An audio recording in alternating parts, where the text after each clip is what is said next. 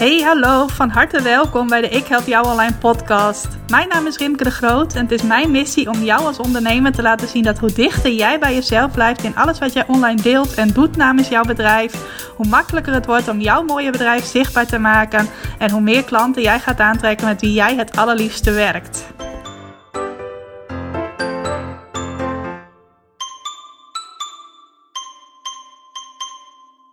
Hallo, leuk dat je luistert naar deze aflevering van de Ik Help Jou Online podcast. Ik wilde bijna zeggen leuk dat je weer luistert, maar ik weet natuurlijk helemaal niet of je de eerste aflevering ook gehoord hebt. Mocht dat wel zo zijn en mocht je mij een leuk berichtje hebben gestuurd. Ik heb vele leuke berichtjes gekregen. Heel erg bedankt daarvoor. Voor mij heel erg leuk om te horen. Het motiveert mij alleen maar meer om door te gaan met deze podcast. Nou, twee leuke berichtjes die ik gekregen heb, wil ik er speciaal even uitlichten. Het eerste berichtje was van Thea. Thea zei tegen mij: Rimke, ik had zoveel inspiratie na het luisteren van jouw podcast. Ik wilde eigenlijk meteen een nieuwe blog gaan schrijven. Alleen het was al s'avonds heel laat. Ik heb vlak voor het slapen gaan naar jouw podcast geluisterd. En daarna kon ik niet slapen van de inspiratie. Nou Thea, als je nu ook naar deze tweede podcast luistert, dan hoop ik dat je dat nu overdag doet, zodat ik je niet weer uit de slaap haal. Maar wel heel erg bedankt voor jouw leuke reactie. Het andere berichtje dat ik kreeg was van Jacqueline. Jacqueline is een klant van mij. En ze zei: Rimke, ik luister naar jouw podcast. En voor mij was het helemaal niet anders dan wanneer ik bijvoorbeeld naar een video van jou kijk. Of wanneer je iets anders vertelt. Dus voor jou is het misschien echt alsof je iets nieuws gaat doen. Uh, heb je dat ook heel groot voor jezelf gemaakt. Maar voor mij voelt het gewoon heel vertrouwd. En helemaal niet als iets wat anders is dan de andere dingen die je al doet. Nou, daar heb ik een heel mooi inzicht uit gehaald en daar heb jij misschien ook wel iets aan. Namelijk dat als jij voor jezelf iets heel groot maakt, dat voor anderen eigenlijk heel vertrouwd voelt en eigenlijk helemaal niet zoiets groots is. Of dat ze helemaal niet denken van, oh, uh, wat bijzonder dat je dit nu ook gaat doen, maar dat ze denken van, ja, dat is eigenlijk wel een logisch vervolg, want jij deed al dit en dat. En eigenlijk is het heel logisch dat je nu ook dat gaat doen. Nou, misschien heb jij dat wel op een andere manier. Misschien denk je er al een tijdje over om blogs te maken. En schrijf je op dit moment wel al berichten op Facebook en Instagram. Dan zal het voor de mensen die jou daar al volgen helemaal niet gek zijn als je ook ineens blogs gaat schrijven. Want ze lezen al dingen die jij schrijft. Ze zijn er al vertrouwd mee. Ze zullen het heus niet gek vinden als jij dan ineens gaat bloggen. Ze zullen dan heus niet denken van oh, kijk haar eens of kijk hem eens. Die gaat nu ineens ook bloggen. Zo kijken mensen helemaal niet naar jou. En jij maakt het misschien in jouw ogen wel heel erg groot. Terwijl dat voor anderen helemaal niet geldt. Dat geldt ook voor een heleboel andere dingen die je kunt doen, zoals het maken van nieuwsbrieven enzovoort. Dus kijk eens of jij daar ook iets aan hebt aan dat mooie inzicht dat ik dus kreeg van Jacqueline. Nou, Jacqueline, heel erg bedankt voor jouw leuke berichtje en leuk dat je luisterde naar de eerste podcast. Ga ik nu over naar het onderwerp van de tweede podcast. Deze keer wil ik het over heel iets anders met je hebben dan de vorige aflevering die over perfectionisme ging. En terwijl ik deze podcast aan het opnemen ben, is het net Koningsdag geweest. Het is nu maandag en afgelopen zaterdag was het Koningsdag. En een tijdje geleden vroeg een nichtje van mij, Lisanne, mij of ik zin had om met haar naar de vrijmarkt te gaan. Om daar spulletjes te gaan verkopen samen. Want het leek haar heel erg leuk, maar ze had geen zin om in haar eentje te gaan. Nou, het leek mij ook heel erg leuk. Ik heb vroeger wel regelmatig op de vrijmarkt en op de braderie gestaan. Toen altijd samen met mijn broertje. Nou, dat is echt nog in mijn basisschooltijd. Ik denk dat dat de laatste keer was dat ik dat deed. Maar ik weet wel dat ik dat altijd heel erg leuk vond. Niet eens zozeer om veel geld te verdienen, maar gewoon daar lekker zitten. Veel mensen die bij je langskomen, die jouw spulletjes gaan bekijken. Nou, en als je dan ook nog wat verkoopt, is dat natuurlijk helemaal mooi. Nou, en op Koningsdag is iedereen natuurlijk vrolijk. Iedereen lekker in het oranje gekleed. Dus ik had wel zin om met mijn nichtje mee te gaan. Had ook nog wel wat boeken waar ik vanaf wilde. Mijn boekenkast is een beetje overvol geworden de laatste tijd. Dus ik heb samen met mijn nichtje afgelopen zaterdag op de vrijmarkt gezeten. En toen ik daar eens even aan terugdacht gisteren, bedacht ik me dat er best een paar mooie ondernemerslessen zitten in zo'n dag op de vrijmarkt. Dat je daar als ondernemer met een heel ander soort bedrijf, wat ik natuurlijk ook heb, want ik zit niet dagelijks op een markt uh, waar je een uh, mooie les uit kunt halen, of zelfs meerdere lessen. Dus ik heb er in totaal vijf voor je op een rijtje gezet die ik met je ga delen. En zo krijg je ook meteen een inkijkje in hoe onze dag afgelopen zaterdag is verlopen. Nou, de eerste ondernemersles is accepteer dat ondernemen altijd met pieken en met dalen gaat. Oftewel met hoogtepunten en dieptepunten. Oftewel met leukere momenten en momenten waarop het allemaal even wat minder gaat. Nou, dat is gewoon altijd zo. Het is niet zo dat bij sommige mensen alles altijd maar een piek is, dat het altijd goed gaat. Ook als ze dat aan de buitenkant misschien niet zo laten zien. Iedere ondernemer heeft nou eenmaal met hoogtepunten en met dieptepunten te maken. Nou, wij kregen dat dus binnen één dag heel duidelijk voorgeschoteld. Wij waren ongeveer om half acht op de vrijmarkt. Nou, dan moet je weten dat dat eigenlijk al vrij laat is. Want als je een goed plekje wilt hebben op zo'n markt, moet je eigenlijk al vrij vroeg er zijn. Maar ja, hadden wij geen zin in. Wij vonden het wel vroeg genoeg om op zes uur op te staan. Mijn nichtje was om zeven uur bij mij. En ongeveer half acht waren wij in de stad, in het straatje waar wij graag wilden staan. Nou, daar was het al behoorlijk druk. Er waren al heel wat kraampjes ingericht. Maar er was nog precies één stukje van de straat vrij waar wij wel konden staan. En waar onze spulletjes ook makkelijk allemaal pasten. Dus de dag begon hartstikke goed. Wij legden ons zeil daar neer. Wij stalden onze spulletjes daar mooi uit. Er was voldoende ruimte om alles mooi te presenteren. En we gingen lekker bij onze handel zitten. Nou, de eerste koopjesjagers uh, kwamen ook langs. Er zijn altijd mensen die hier al zijn voordat de vrijmarkt officieel open gaan. Die hopen dan nog iets bijzonders te vinden. Nou, die mensen liepen ook langs onze kraam. Mijn nichtje verkocht eerst wat. Daarna verkocht ik een boek. Nou, en zo zaten wij daar lekker te genieten van wat een mooie dag zou worden. Totdat het een uurtje later was, half negen. En misschien raad je het al, maar er kwam een enorme berg regen aan. Het begon te regenen en de eerstkomende drie uren is het ook eigenlijk niet meer opgehouden. Af en toe was het even een paar minuutjes droog, maar verder bleef het maar regenen en regenen en regenen. Dus we hebben van half negen tot half twaalf in de regen gezeten. Nou, we hadden wel een afdekzeil mee om onze spullen onder te doen mocht het gaan regenen. Want het was wel aangekondigd dat het zou gaan regenen. Uh, maar dat afdekzeil bleek een heel stuk kleiner te zijn dan het zeil waar onze spullen op lagen. Dus lang niet alles kon daaronder. Dus een gedeelte van de spullen moest in dozen. Een gedeelte van de spullen moest ook onder een poncho die mijn nichtje bij zich had. Uh, dat paste allemaal, niet allemaal. Dus een gedeelte moest inderdaad in die dozen. En doordat al onze spullen onder die poncho en onder dat zeil lagen, konden de mensen die toch het slechte weer trotseerden en wel langs onze kraampjes liepen, helemaal niet zien wat wij eigenlijk te koop hadden. Dus wij zaten allebei met een paraplu op voor onze spullen die helemaal niet te zien waren. En wij vroegen ons af wat we daar eigenlijk deden. We hadden nog, uh, toen het begon te regenen, 8,5 uur voor de boeg om daar te zitten. En ik zal eerlijk met je zijn, we hebben meerdere keren tegen elkaar gezegd van...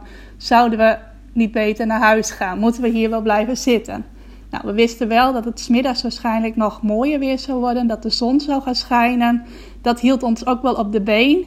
Maar we liepen ook tegen iets anders aan, want op het moment dat het daadwerkelijk droog zou worden, zou ons zeil zo nat zijn dat we onze spullen niet meer konden uitstallen. We hadden uh, de spullen die er nog lagen dus op een hoopje gelegd met een zeiltje eroverheen en met een poncho eroverheen. Maar de rest van het zeil, daar lagen al allemaal plassen op. En zodra het dus wel droog zou worden, zouden onze spullen daar niet kunnen liggen, want die plekken waren allemaal nat. We zaten dus een beetje te balen en ons af te vragen uh, wat we daar deden. Ondertussen hielden we de, de, uh, ons humeur nog wel goed, doordat we gewoon allebei wel positief zijn ingesteld. En op een gegeven moment maakten wij de omslag van: hey, dit is een dieptepunt, wij balen hiervan. Naar hoe kunnen we dit oplossen? Hoe kunnen we ervoor zorgen dat onze spullen straks nog wel gepresenteerd kunnen worden? Oftewel, denken vanuit een probleem naar een oplossing. Toen bedachten we dat er sommige winkels wel open zouden zijn en dat we misschien bij een winkel wel een nieuw stuk zeil konden kopen.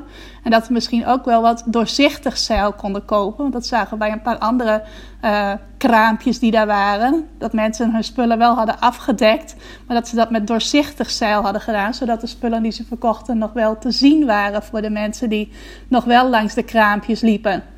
Nou, wij wisten wel een winkel waar dat te koop zou zijn. Dus ik zei tegen mijn nichtje, zal ik daar naartoe lopen? Dat was ongeveer 10 tot 15 minuten lopen die winkel. En dan kijk ik wel of ik daar zeil kan kopen en ook wat doorzichtig zeil. Nou, zo gezegd, zo gedaan. was een uurtje of tien. Ik liep naar die winkel toe. En wat denk je, er hing een briefje op de deur. Wij zijn vanaf 12 uur geopend op Koningsdag. Oftewel, later op de dag konden we daar wel zeil kopen, maar op dat moment was ik te vergeefs naar die winkel toe gelopen. Dus ik maar weer terug met mijn paraplu op. Het regende nog steeds heel erg. En terug naar mijn nichtje die nog bij de spullen zat. En Wij moesten wachten tot 12 uur of tegen 12 voordat we terug konden naar die winkel. Om alsnog dat zeil te kopen en alsnog onze spullen op een droog zeil neer te kunnen leggen. Nou, die tijd hebben we maar uitgezeten, geaccepteerd dat het toen eventjes een dieptepunt was. Of dat het even een dal was. Dat het even niet zo ging zoals wij het voor ogen hadden gehad toen we dit plan maakten om naar de vrijmarkt te gaan. Maar dat er na die regen letterlijk weer zonneschijn zou komen. Nou, dat gebeurde ook. Rond half twaalf werd het ineens droog. Was het ook bijna tijd dat we weer naar die winkel konden om dat zeil te halen. Dus mijn nichtje ging toen naar de winkel toe. Die ging dat zeil halen. En toen zij weer terugkwam, kwam er ook ineens hulp aan. Haar vader kwam ook uh, naar ons toe om wat spullen te brengen, wat droge spullen te brengen. En die ging ons ook meehelpen om ons nieuwe winkeltje weer helemaal in te richten op het droge stuk zeil. Om onze spullen weer mooi te presenteren. En vervolgens vond hij het zo leuk dat hij ons ook bleef helpen met het verkopen van onze handel. Nou, vervolgens werd het ook weer steeds drukker. Kwamen er steeds meer mensen die weer langs de kraampjes gingen lopen. Want ja, het was mooi weer, dus iedereen kon weer naar buiten toe. Er kwamen verschillende bekenden van ons langs. Verschillende familieleden die even kwamen kijken bij uh, ons op de vrijmarkt. Dus ineens was het vanuit dat dal weer naar een piek toe gegaan. Het was gezellig, het zonnetje scheen, het werd zelfs een beetje warm, er waren veel bekenden. We gingen ook steeds meer verkopen. We hebben uh, denk ik in de middag 15 keer zoveel verkocht dan in de ochtend, want in de ochtend was er bijna niemand en moesten we onze spullen allemaal onder die zeiltjes neerleggen. Nou, smiddags konden we ze mooi presenteren, hadden we veel aanloop, was de sfeer goed, konden we mensen makkelijker aanspreken enzovoort. Dus hebben we uiteindelijk toch een hele mooie middag gehad, die we waren misgelopen als wij wel hadden gezegd van weet je wat, wij pakken ochtends onze spullen al op, want het regent en we hebben geen zin om een paar uren in de regen te zitten. Nou, dat is in het ondernemerschap, als ik die parallel even mag maken, ook vaak zo. Soms moet je gewoon eventjes door een dal heen om vervolgens weer naar een piek toe te kunnen gaan. En vaak is het zo, als jij in een dalletje zit als ondernemer, kun je niet voorstellen dat het over een paar weken weer heel anders zal zijn. Op het moment dat jij in een piek zit, kun je vaak ook niet voorstellen dat je eventueel over een paar weken weer in een dalletje kunt komen te zitten. Maar dat is gewoon hoe de wereld in elkaar zit, hoe het ondernemerschap in elkaar zit. Uh, er zijn nu eenmaal altijd omstandigheden waar jij zelf geen invloed op hebt, waardoor het ineens even wat minder kan gaan en waardoor het ook ineens weer beter kan gaan. Dat heb je niet in de hand, dat dat zo is. Die pieken en die dalen zijn er gewoon. Wat je wel in de hand hebt, is hoe jij daarmee omgaat. Dus je kunt blijven hangen in het gaat allemaal niet goed en het is nu allemaal niet leuk en ik zit in een dipje. Of je kunt kijken, hey, welke stappen kan ik zetten om er toch weer het beste van te maken en om te zorgen dat ik straks weer naar een piek toe ga. Dus dat is de eerste les die ik jou mee wil geven. Je kunt niet veranderen dat het ondernemerschap met pieken en dalen gaat. Volgens mij is dat in het hele leven ook zo. Maar je kunt wel veranderen hoe jij daarmee omgaat. En vaak is het ook zo dat als jij daar bewust op een betere manier mee omgaat, dat jouw dalen minder diep gaan worden en jouw pieken nog hoger gaan worden. Puur door de manier waarop jij daarmee omgaat en hoe jij je gedachten daarin uh, stuurt. Want dat heb je wel zelf in de hand. Dus een hele mooie ondernemersles die ik je mee kan geven vanaf de vrijmarkt op Koningsdag. Ga ik over naar de tweede les. En dat is dat je moet onderscheiden als ondernemer met een vorm van beleving. Nou, op de vrijmarkt moet je weten dat heel veel mensen daar staan met soortgelijke spullen.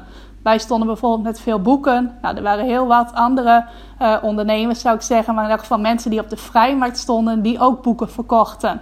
Nou, hoe zorg je dan voor dat jouw kraampje opvalt? Dat mensen daar toch blijven stilstaan en dat ze niet denken van hé, hey, hier staat uh, weer meer van hetzelfde, hier staat weer meer van wat ik net ook al bij een ander kraampje heb gezien.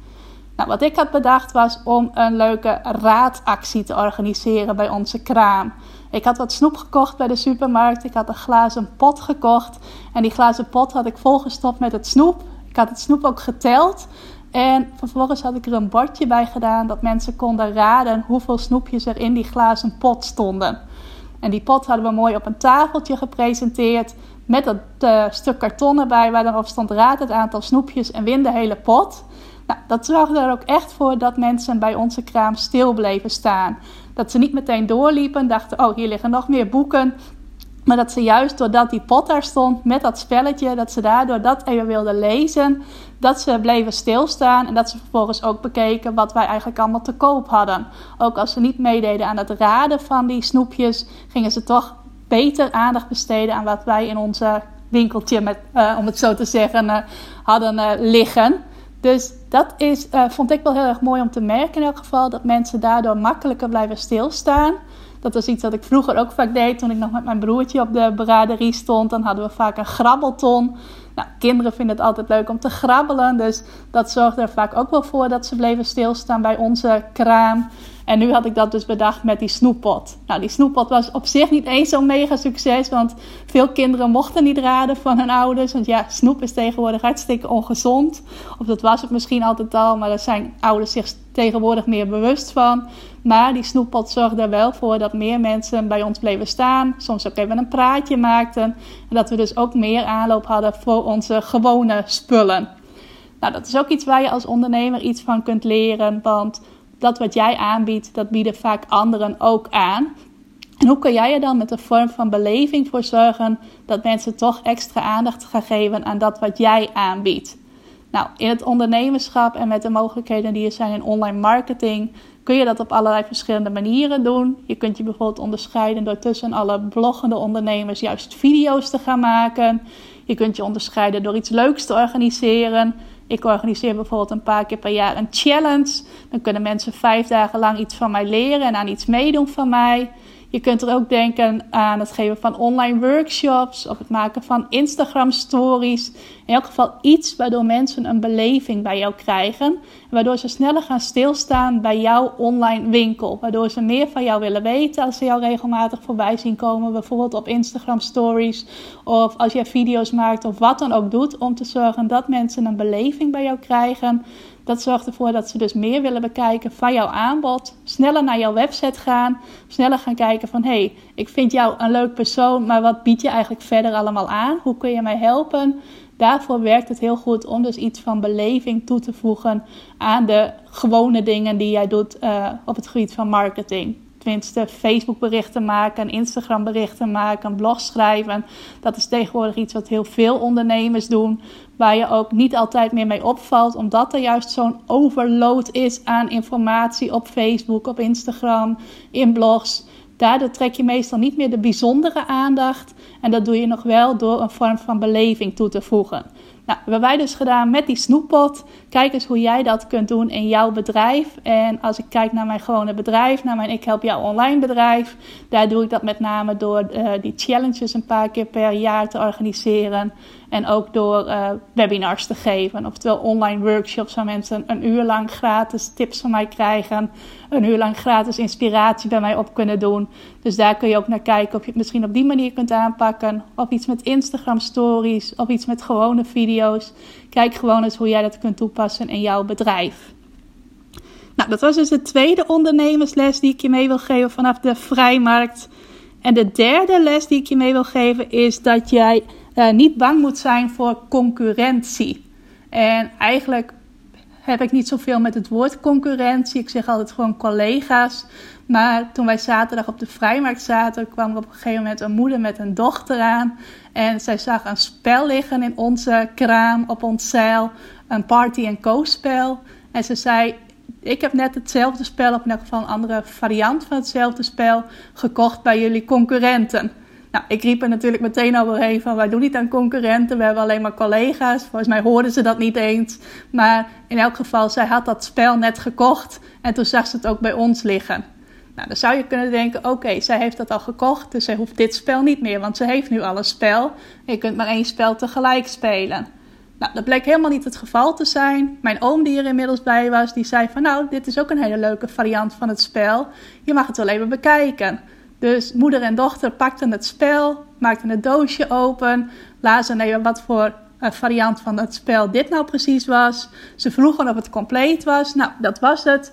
En vervolgens kochten ze ook dit spel. Terwijl ze dus vlak daarvoor precies zo'nzelfde spel hadden gekocht, alleen net in een iets andere variant. Nou, dat vond ik ook een hele mooie les, want als ondernemers denken wij zo vaak van ja, er zijn al zoveel andere mensen die hetzelfde aanbod verkopen als ik. Uh, wat heb ik nou nog toe te voegen? Er zijn waarschijnlijk al heel veel klanten die het al van andere mensen hebben gekocht. Dus waarom zou ik me daar dan ook nog op gaan richten? Nou, dat is helemaal niet iets waar jij je door moet laten leiden. Want ook als mensen iets wel al gekocht hebben, wil dat niet zeggen dat ze niet jouw variant ook nog willen kopen. Dat ze niet jouw hulp ook nog nodig hebben. Als ik bijvoorbeeld kijk naar mijzelf, ik heb bij meerdere van de grote business coaches in Nederland wel een product gekocht of een training gedaan of coaching gehad. En eigenlijk, als je heel globaal kijkt, bieden al die coaches hetzelfde aan, namelijk ondernemerscoaching. Maar doordat ze dat allemaal net in een andere variant doen, maakt dat dat ik van de ene coach op dit moment iets wil leren. En dan op een ander moment wil ik weer iets van een andere coach leren. Die eigenlijk hetzelfde aanbiedt, maar dat net op een andere manier doet. Zo moet jij ook uh, zelf naar jouw aanbod kijken. En zo merk ik dat mijn klanten ook naar mijn aanbod kijken. Want ik kreeg afgelopen week een mailtje van een dame die een training had gevolgd bij een collega van mij. Iemand die zich voorheen op precies dezelfde doelgroep richtte als ik. Nou is mijn doelgroep inmiddels iets breder geworden. Dus we hebben nu niet meer precies dezelfde doelgroep, maar nog wel gedeeltelijk. En zij zei: Ik heb deze training bij gevolgd, maar ik heb eigenlijk ook jouw hulp nodig. Ik wil eigenlijk ook iets bij jou gaan volgen. Nou, was voor mij ook weer een bevestiging dat concurrentie niet bestaat. En dat als mensen iets bij de ene persoon hebben gekocht, dat dat helemaal niet wil zeggen dat ze ook niet iets bij jou willen kopen. Dus laat je niet intimideren door concurrentie. Laat je niet door tegenhouden. Laat je niet door van de markt drukken. Maar wees gewoon aanwezig naast die anderen die ook hetzelfde soort aanbod hebben. Laat jezelf gewoon zien. Uh, bied jouw aanbod ook aan, zoals wij dat dan deden met dat spel, dat party en co-spel. En weet dat jouw aanbod ook gezien mag worden en dat ook mensen daarop zitten te wachten. Zelfs als ze een soortgelijk aanbod ook al bij iemand anders hebben gekocht. Ik werk bijvoorbeeld ook veel met mensen in de vakantiebranche. Nou, mensen gaan echt niet één keer per jaar op vakantie. Dus als zij al een vakantie hebben geboekt bij iemand anders, wil dat helemaal niet zeggen dat ze niet ook nog behoefte hebben aan een vakantie bij jou. Dus kijk daar op een andere manier aan. Accepteer dat er altijd collega's zijn, of concurrenten als je dat zo wilt noemen. Maar weet ook dat dat niet wil zeggen dat mensen jou dan niet meer nodig hebben. Of dat ze jouw aanbod niet meer willen kopen. Dus knoop dat goed in je oren. Dan de vierde les die ik je mee wil geven vanaf de vrijmarkt met Koningsdag. Dat is dat je moet staan voor je waarde. Nou is het zo dat als jij op de vrijmarkt gaat verkopen, dan moet je eigenlijk niet verwachten dat jij dingen gaat verkopen voor megabedragen. Wij verkochten op een gegeven moment, moment onze spullen echt voor hele kleine bedragen. Met de boeken begonnen we bijvoorbeeld voor 2 euro. Nou, later werden ze een euro per stuk en uiteindelijk werden ze 50 cent per stuk. En op het allerlaatst kwam er een dame naar ons winkeltje. En zij wilde wel twee boeken kopen. Alleen die boeken waren s ochtends nat geregend. Dus de, uh, het achterste gedeelte van het boek was een beetje nat bij beide boeken. En zij vond al 50 cent per boek best wel veel geld. Nou, boden we die twee boeken voor 50 cent aan. Dus samen voor 50 cent. Echt een koopje. Zij wilde die boeken toch niet hebben, want ja, ze waren nat geregend. Ze vond het wel mooie boeken, maar ze was niet bereid om daar 50 cent voor te betalen.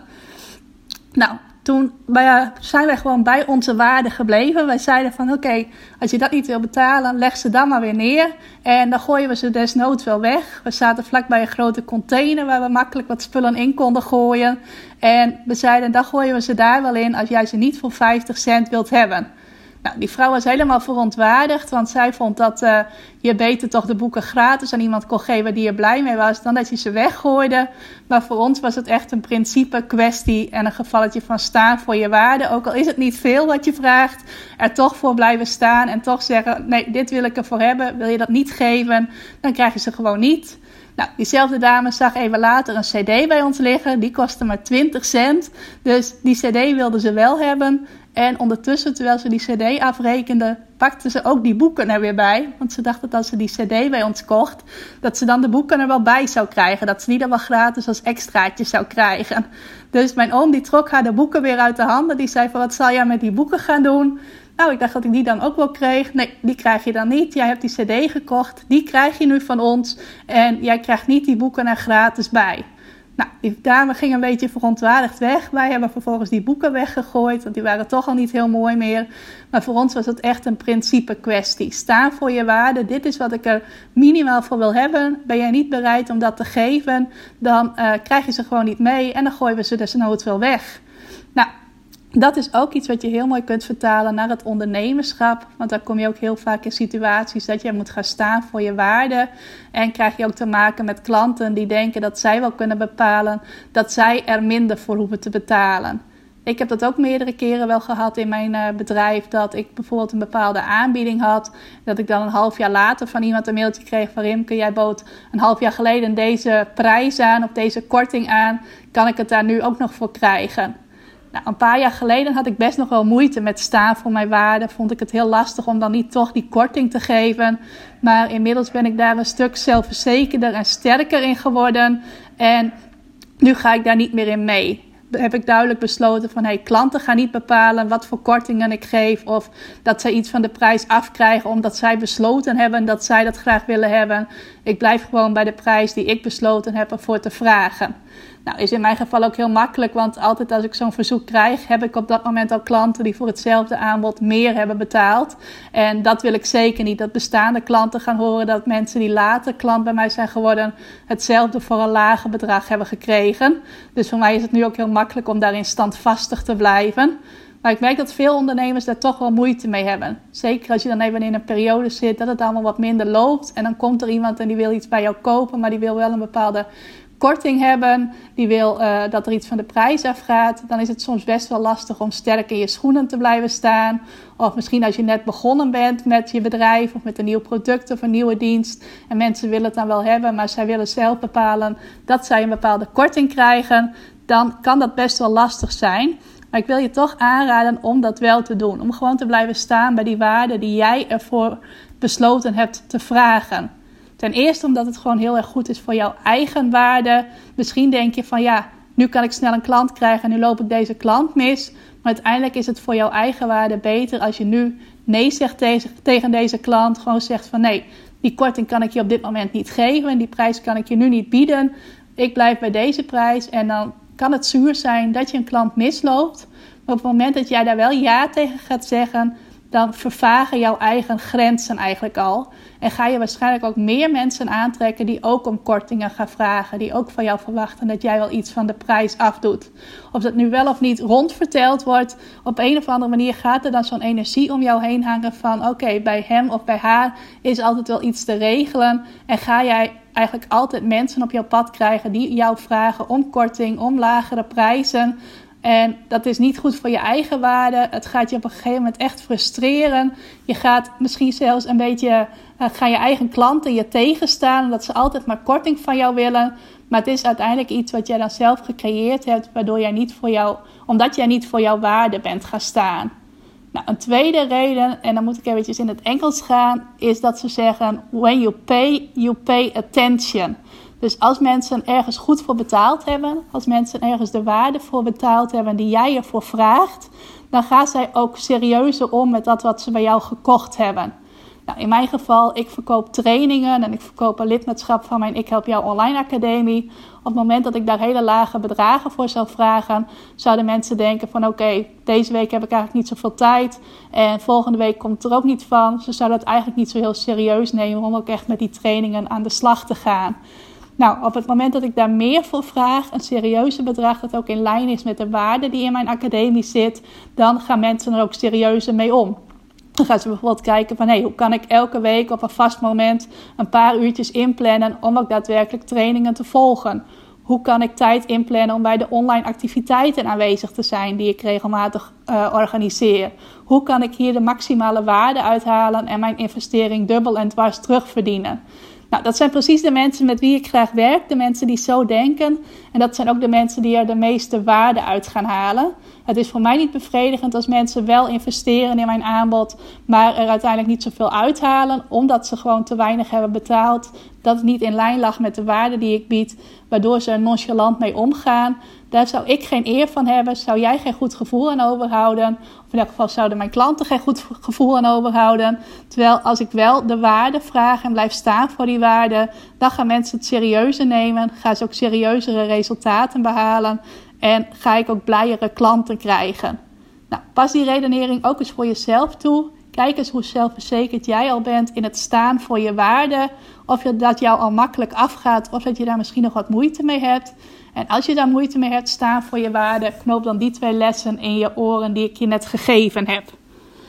Nou, dat brengt mij bij de laatste les vanaf de Koningsmarkt op, uh, nee, de Vrijmarkt op Koningsdag. Ik begin al wat woorden door elkaar te halen, maar de Vrijmarkt op Koningsdag. En dat is dat je dankbaar moet zijn voor de ervaring en voor de lessen die je tijdens een ervaring leert. Nou, in ons geval, het was voor mij al een hele tijd geleden dat ik op een vrijmarkt of op een braderie had gestaan. Ik was zelf ook totaal niet goed voorbereid. De paraplu's die we bij ons hadden, het afdekzeil, de poncho, die waren allemaal door mijn nichtje meegenomen. Ehm, dus ik was sowieso heel slecht voorbereid. Maar we hebben wel ook, zowel, vooral tijdens die ochtend, dat het de hele ochtend regende, heel veel geleerd. Stel nou dat wij volgend jaar weer op de vrijmarkt willen staan, dan gaan we sowieso even kijken hoe het weerbericht is. Nou, hadden we nu ook wel gedaan, maar we dachten, oh, het valt misschien wel wat mee met die regen. En zullen we dan ook betere voorbereidingen treffen? We zullen sowieso zorgen dat we ook een zeil hebben om over onze spullen helemaal heen te leggen. En we zullen er ook met name aan denken om een plastic zeil dan te hebben, zodat mensen ook, of niet een plastic zeil, een doorzichtig zeil te hebben, zodat mensen dan wel onze spullen nog steeds kunnen bekijken. Dus dat ze dan droog liggen, maar dat dan nog wel te zien is wat wij precies hebben in de handel. Zodat mensen ook als het regent nog bij ons kunnen kopen. En zodat onze spullen ook niet nat regenen, zodat ze dan later op de dag minder waard worden. Nou, wat we ook geleerd hebben is dat je als je op de vrijmarkt staat echt niet hele hoge prijzen moet vragen. En dat vaak 2 euro ergens voor wel te veel is. Dat hoe lager de prijzen liggen, hoe makkelijker je dingen gaat verkopen, blijven er ook meer mensen bij jouw kraampje staan.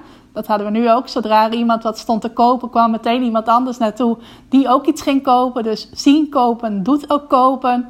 En dat zijn mooie lessen die we geleerd hebben en die we weer mee kunnen nemen mochten we volgend jaar weer op de vrijmarkt willen staan. Dus we zullen ons dan beter voorbereiden op regen. Misschien begin ik dan wel een handeltje in paraplu's zelfs, want dat zijn uh, nou typisch dingen die heel goed verkopen als het regent. En ook uh, de andere dingen die ik net genoemd heb, we hebben er heel veel van geleerd. En sowieso ook heel veel plezier gehad. Dus het was sowieso een leuke ervaring.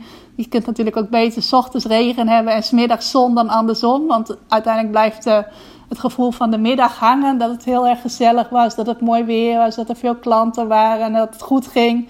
Dus dat is wat uiteindelijk is blijven hangen. En we hebben een ervaring opgedaan en we hebben er ook nog een paar lessen uit geleerd. Nou, dat is natuurlijk ook zo in het ondernemerschap. Wat ik vaak merk is dat ondernemers zich wel tegen laten houden van... hey, zal ik dit wel gaan doen? Want stel dat het niet lukt, stel dat het niet zo'n succes wordt als dat ik nu in mijn hoofd heb zitten... wat zullen anderen daar dan van denken? Of zal ik niet teleurgesteld raken?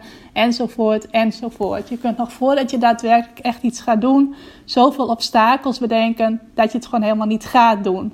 Maar wat nu als jij iets nieuws gaat doen, iets waarvan je denkt dat wil ik eigenlijk wel proberen, maar ik weet nog niet zeker of het goed zal gaan. Maar dat je dan gewoon denkt van ofwel ik krijg een mooie ervaring, of in ieder geval een ervaring, niet per se een mooie, maar een ervaring waar ik iets uit kan leren, waardoor ik weer verder kan groeien als ondernemer. Ofwel het wordt gewoon een gigantisch succes.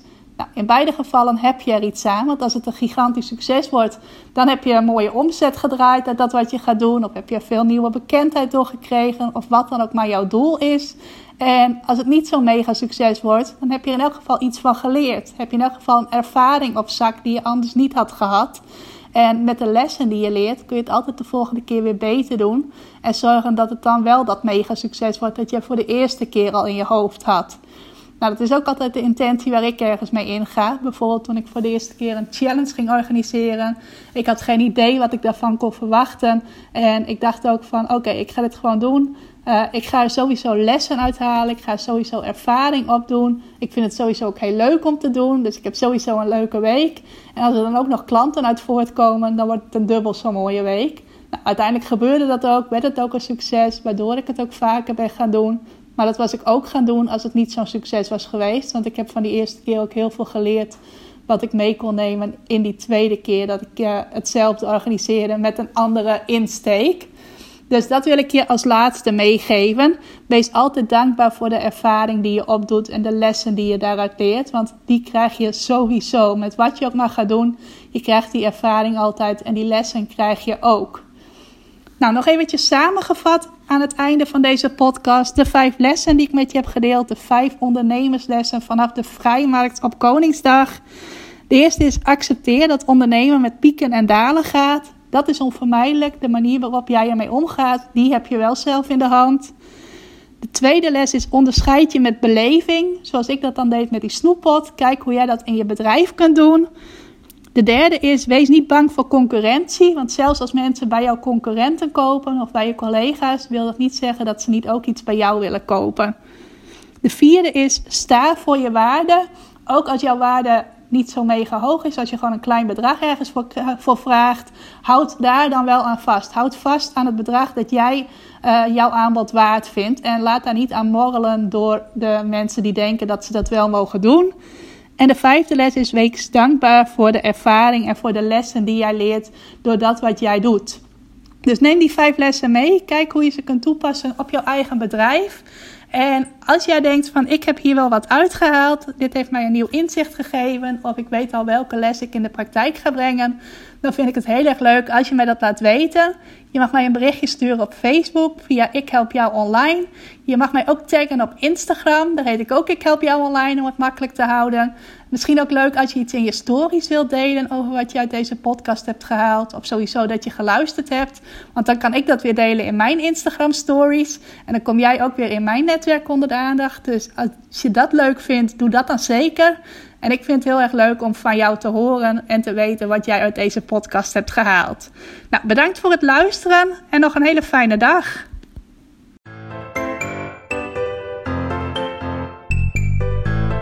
Hey, dankjewel voor het luisteren. Wist je dat ik regelmatig een bonus maak bij mijn podcastafleveringen?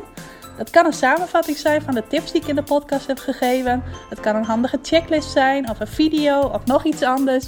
Al die bonussen vind je overzichtelijk bij elkaar in mijn Ik Help Jou Online proeflokaal. Is een onderdeel van mijn Ik Help Jou Online Academie. En voor het proeflokaal kun je gratis account aanvragen. Ga ervoor even naar ikhelpjouonline.nl slash gratis. Wijst het zich vanaf daar als het goed is vanzelf. En kun je al die bonussen gaan bekijken en zo nog meer waarde halen uit dat wat je in deze podcast gehoord hebt.